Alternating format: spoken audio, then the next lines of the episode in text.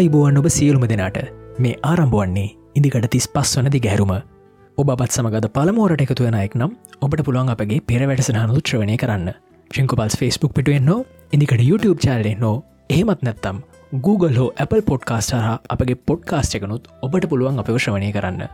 එසේ අයොමු යමු අද වැඩසටානට ලාංකීය ගීත සාහිත්‍යයේ විධ තේමා ඔස්සේ ලියවුණු ගීත අපට මුණගහෙනවා ඉතින් අපේ කෘෂිකර්මාන්තයට අතිශයම සම්බන්ධ මේ ගීතය ඉතාමත් සුවිශේෂී ගීතයක්. ගීත ගැන කතා කරන්න කලින් මම කැමති මදුරංග යමක් දැනගෙන ඉන්න. ගොයම් ගස එහෙමත් නැත්තම් බත මේ පිළිබඳව පුලින් පොඩ්ඩක් කතා කරමු. මොකද දුගී පෙළක ඉඳලා මහා මන්දිරිය දක්වා එකම විදිහටම පිළිල කරන දෙයක් තමයි බත් කියන්නේ. එහෙම නේද මදුරංග. ඔවු සහන් ඔබ කිව්වත් වගේ ශ්‍රී ලංකයේ ජනතාවගේ ප්‍රධානම ආහාරය වෙන්නේ බත් ලංකා විතරක් නෙවෙයි ලෝක ජනගානයෙන් කෝටි සීයකටත් වඩා මිනිසුන්ගේ ප්‍රධාන ආහාරය වෙන්නේ බත්. ඉතින් මේ ගොයම් ගසේ උද්භිත විද්‍යාත්මක නාමය තමයි ඉරිසා සටාවා. ඉතින් මේ අයත් වෙන්නේ තෘණ පවුලට. ඉතින් ආසියාවේ ප්‍රධානතම දාන්න ආහාරය වෙන්නෙත් මේ බත්ම තමයි. ඉතින් මේ අපිට බත් දෙන්න ගොයම් ගස මිනිසා විසින් වගා කිරීමට පුරුදු වුණු පැරණිතම ගස්වලින් එකක්.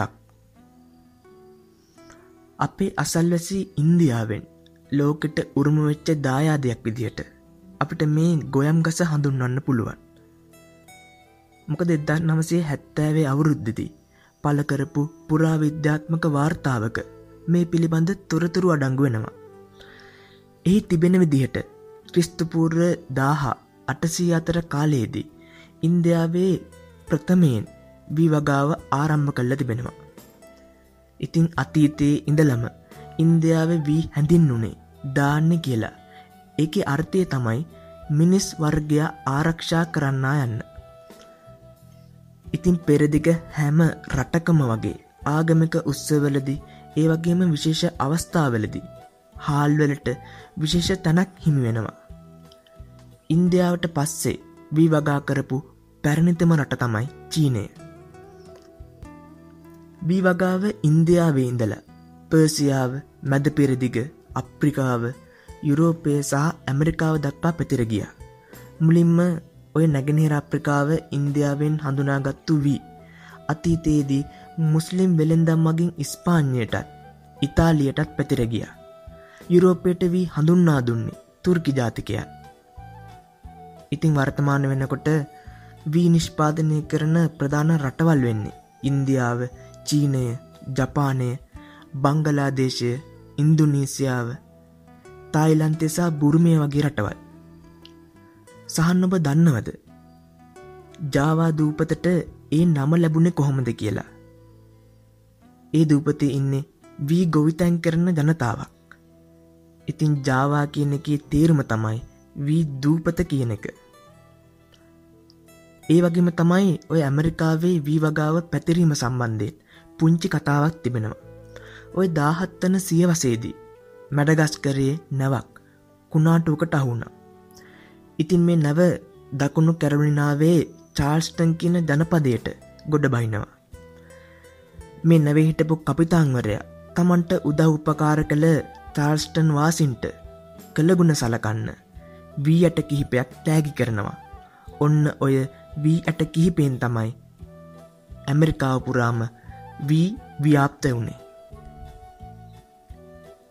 සහන් අපේ ලංකාවට කෘෂිකාර්මික ජීවන රටාවක් හුරු කළේ ආර්යයන්. ඔවුන්ගේ ශිෂ්ඨාචාරය ගංගා අසල ගොඩ නැගුවා. එතකොට ඔවුන්ගේ ප්‍රධාන රැකියා වුණේ වී ගොවිතැන. මේ අනුව අපේ ප්‍රධාන ආහාරය බත බවට පත් වනා. ඉතින් දැන්වන්නකොට ස්වභාවික වී වර්ග දෙසීයක් පමණ හඳුනාගෙන තිබෙනවා. විශේෂයෙන්ම බතේ ගුණාගුණ සලකනකොට නිවුඩ්ඩ තියෙන සහල් බත් පිසීම සඳහා යොදා ගැනීම පෝෂදායි. ඔය නිවුඩ්ඩට යටින් තියෙන ඇලිසරෝන් තට්ටුව සහල්ලටේ තියෙන වඩාත් පෝෂදායම කොටස. සහල්ලටේ සියට හැත්ත පහක් පමණ තියෙන්නේ පිෂ්ටය. සාමාන්‍යයෙන් ග්‍රෑම් සිහියක් ආහාරයට ගත්තාම කැලරි තුන්සිය අසුපහක් පමණ නිපදවා ගන්න පුළුවන් බව වෛද්‍යවරුන්ගේ මතයයි. ඉතින් මේ දේවල් තමයි වී එමනත්තම් ගොයන් ගස පිළිබඳව. සාමාන්‍යෙන් අපි දැනගන්න ඕන්න තොරතුරු. හොඳයි මදුරංග අද අපේ ගීතය තමයි වී මල් පබා ගීතය ශාන්ත දේශබන්ධු විසින් රචනා කරන මේ ගීතය සංගීතවත් කරලා ගායනා කරන්නේ සේනානායක වෙරලියද්ද විසින්. මේ ගීතය ගැන විවිධය විවිධාකාර මත ඉදිරිපත් කරනවා. ගැමි තරුණයක් නවයෝවන්වියට එළඹීම මේ ගීතේ අරුත කියලා කෙනෙක් කියනවා. ඇත්තරම් මදුරංග මේ ගීතයට තිබෙන්නේ මොන ආකාරයක පසුබිමත්ද ඇත්තටම ඕනෑම ගීතයක් රසවිඳලා ඕනෑම කෙනෙකුට ඒ ගීතය පිළිබඳ විවිධාකාරයේ අදහස් ඉදිරිවත් කරන්න පුළුවන්. ඉතින් විචාරකයකොටත් ඕනෑම ගීතයක් ගැන ඕනෑම විදිහට විචාරයක් ඉදිරිපත් කරන්න පුළුවන්. හැබැයි නිදහස ඇතුළේ. ගීතය තුළ තිබෙන පේලියක් කරී යම්කිසි වචනයක් කරි අරගෙන ඒක අර්ථය මේ සමස්ත ගීතයම අර්ථය විදියට හවා දැක්කීම ඒ තරම් සුදුසු දෙයක් කියල මම නම් හිතන්න නෑ. මොකද අපි හල තිබෙන ඔය අන්දයින් කිහිප දෙනෙක් අලියෙක් ගැන කරපු වර්ණාව අලියගේ කන අහුඋන්නු අන්දය කියනවා. අලිය කුල්ලක් වගේ කියලා අලියගේ කකුලල්ලපු අන්දය කියනවා අලිය වංගෙඩියක් වගේ කියලා එතට ගීතය ගැනත් අර විදියට විචාරයක් කිරුවතින් ඒ දේම තමයි කියන්න වෙන්නේ මේ ගීතය ගැනත් ඔබ කිව්ව වගේ විධාකාරයේ අර්ථයන් සමහරු ඉදිරිපත් කරනවා විශෂෙන් ඔය ගැමි තරුණයක් වැඩිවියට පත්වීම ගැනත් මේ ගීතයේ ආර්ථ දක්වන්න පුළුවන් කියලා පිරිසක් කියනවා. ඉතින් ඒක ඔවුන්ගේ නිදහස. හැබැයි මේ ගීතයෙන් කියවෙන්නේ ගොයම් ගස පිළිබඳව. ඒ කොහොමද. මේ ගීතය පටන් ගන්නේ මෙහෙමනේ. වෙල ළඟ නල්ල සමග තුටින රණට දිලෙන දමක ලෙසින. දැ වෙල කියන්නේ කුමුරට. එතකොට නල කියන්නේ සුළඟට. මෙ වෙල ළඟ සුළඟ එක්ක කෙත්තියාය රත්තරන් පාටින් දිලිසෙන්නේ හරියට රන්මාලයක් වගේ කියලා රචකය කියනවා. තුරුණු වියට උරුම කියන මල් පබා. ඇත්තටම මේ තුරුණු විය කෙල කියන්නේ මේ ගොයම මල් පීදන කාලෙට දැන් සමහරු එකට කියන බණ්ඩි ගොයම කියලා. ඉතින් මේ රන් රත්තරම් පාටින් ගොයම් කරල් විලිසෙන්නේ ගොයම් පැහෙන අවදී. ඉතින් මේ කොහොමුණත් රචකයා මේ රණට දිරණ කියලා මේ ගීතය යොදාගෙන තිබෙන්නේ කවි සමය රැක ගන්න වෙන්න පුළුවන්. අනෙක් කරණය මේ ගීතයේ බොහෝ දෙනෙක් නොම ගැන දේ තමයි මල් පබා කියන වචනය. පබා යන්නේ තේරුම ප්‍රභාව ප්‍රභාශ්වර ප්‍රභාමත් කියන එක. අපිට මේ පබා කියන වචනය හම්බ වෙනවා ගිරා සන්දේශයේ එමනත්නම් ගුත්තිල කාවේ වගේ සංදේශකාවයන් වල. ඔය රූ රැසේ අඳිනා ලෙසේ අත් ලෙල්ල දිදී විදුලිය පබා කියලා ගුත්තෙල්ල කාවේ සුරඟන වැනුමේ අපිට පැහැදිලිව හම්බ වෙනවා. එතකොට මේකේ රචකයා ශාන්ත දේශබන්දු සාහිත්‍යයේ ආභාෂය ලබාගෙන තිබෙනවා කියලා අපිට මේ තුළින් තේරුම් ගන්න පුළුවන්. එකින් එක ගෙන තාලයකට රන් නටුවක අමුණාගෙන ආ. මිහිකත හිස මත ඇති කෙස සුලන් සැරෙන් පීරාගෙන වී මල් පබා. මේ තමයි ගොයම පැසෙන කාලෙ. රන්නටුවේ වී ඇට එකින් එක තාලයකට අමුන්ලා තියෙන බවත් දකින්න පුළුවන් වෙන්නේ සුන්දර කවයකුට විතරයි. ඉති මේ ගීපද රචකයාගේ ප්‍රතිභාව විදහපාන තවත් අති විශිෂ්ට යෙදුමක් තිබෙනවා. ඒ තමයි මිහිකත්ත හිස මත ඇති කෙස සුලන් සැරෙන් පීරාගෙන කියන යෙදුම. දැ මිහිකත කියන්න සාමාන්‍යෙන් අපි පොළොවට. ඉතිම ගීපද රචකයා ගොයම දකින්නේ මිහිකත කියන හිසේ තියෙන කෙස් ගස් විදිහට. අපි සාමාන්‍යෙන් හිසේ තියෙන කෙස් පීරන්නේ පනාවෙන් හැබැයි ගොයම කියන කෙස් පීරන්නේ සුලන්සැරෙන් ඇත්තටම මේක මොනතරං අපුරු එදමක්ද. වප් මගුල්ලට බුද්ධ පෝග හැම අටුකොටු පිරීයන්. වසන්තයට ගී ගයන්න කොවුල් රැලට අඩගහන්න වී මල් පබා. ඇත්තටම කෘෂිකර්මාන්තය මතින් යැපෙන අපේ ගැමියන්. මේ ගොවිතැනෙන් ලැබෙන මුල් කොටස බුදුන්ට පිදීම සිංහල බෞද්ධ ගැම සංකෘතිය ප්‍රධාන ලක්ෂණයක්. අදටත් ඔය බිම්තැන්නේ නුවර කලාවේ ගොවියන් අස්වන්නේ කොටසක්. දළදා වහන්සේට පූජා කරනවා. එතකොට අලුස්සාහල් මංගල්‍ය පවත්වනවා ශීමහාබෝධි මුල් කරගෙන. ඊට පස්සේ වෙල ඉස්මත්තේ ගහක් ඇට අතු පැලක් අදල. බුද්ධ පූජාව තබල දෙවියන්ගේ දානය දෙනවා. මේ වී බුද්ධ බෝගයක් විදියට හඳුන්වන්නේ මෙන්න මේ කාරණා හින්දමයි. ඊට පස්සේ වප්මගුල කියන්නේ කුඹුරු වැපිරීමේ මංගල්ලයට වප් කියන්නේ වැපිරීම. ගොවියන් මේ කන්නෙල් ලබන අස්වැන්නෙන් කොටසක් ඊළඟ කන්නයට වගා කරන්න ඉතුරු කරනවා වෙන් කරනවා.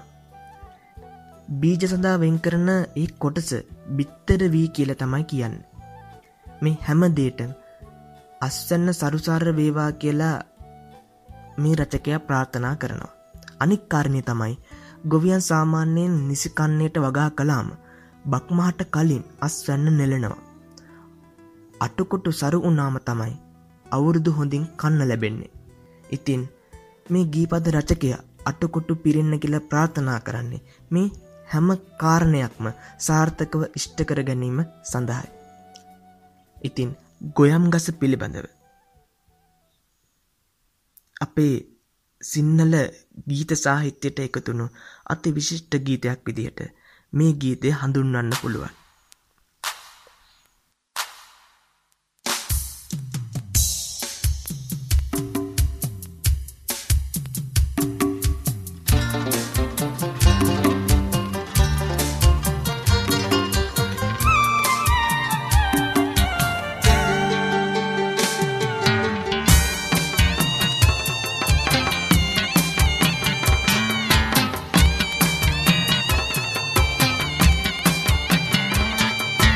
පෙළ ළඟ නල සමග තුටින රණට දිලෙන දමක ලෙසින තුරුණු වියට උරුම කියන මල් පබා.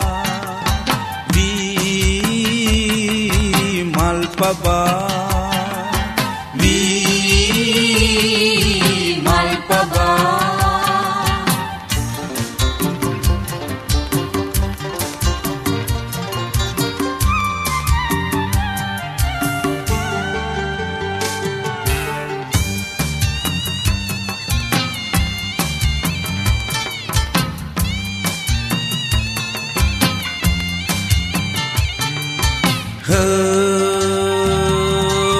එකිනෙකගෙන කාලයකට රන්නටුවක අමුණාගෙන ආ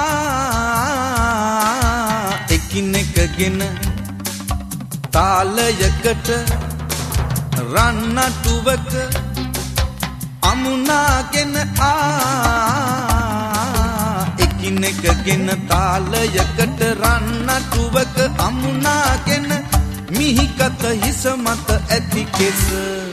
සුලං සැරෙන් තීරාගෙන සුලං සැරෙන් තීරාගෙන මල් පබා. වී මල් පබා. වී මල් පබා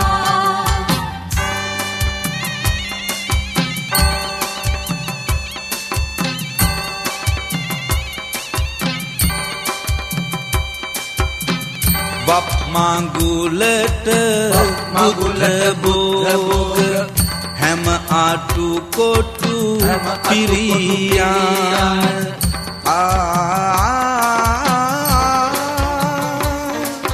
වසන්තයට ගී ගයන්න වසන්තයට ගී ගයන්න. කොවුල් රැලට අඩගහන්න කොවුල් රැලට අඩගහන්න මල් පබා පබා මල් පබා වෙල ළඟ නල සමග තුටින රණට දිලෙන දමක ලෙසින තුරුණු වියට උරුම කියන මල් පබා වී මල් පබා වී මල් පබා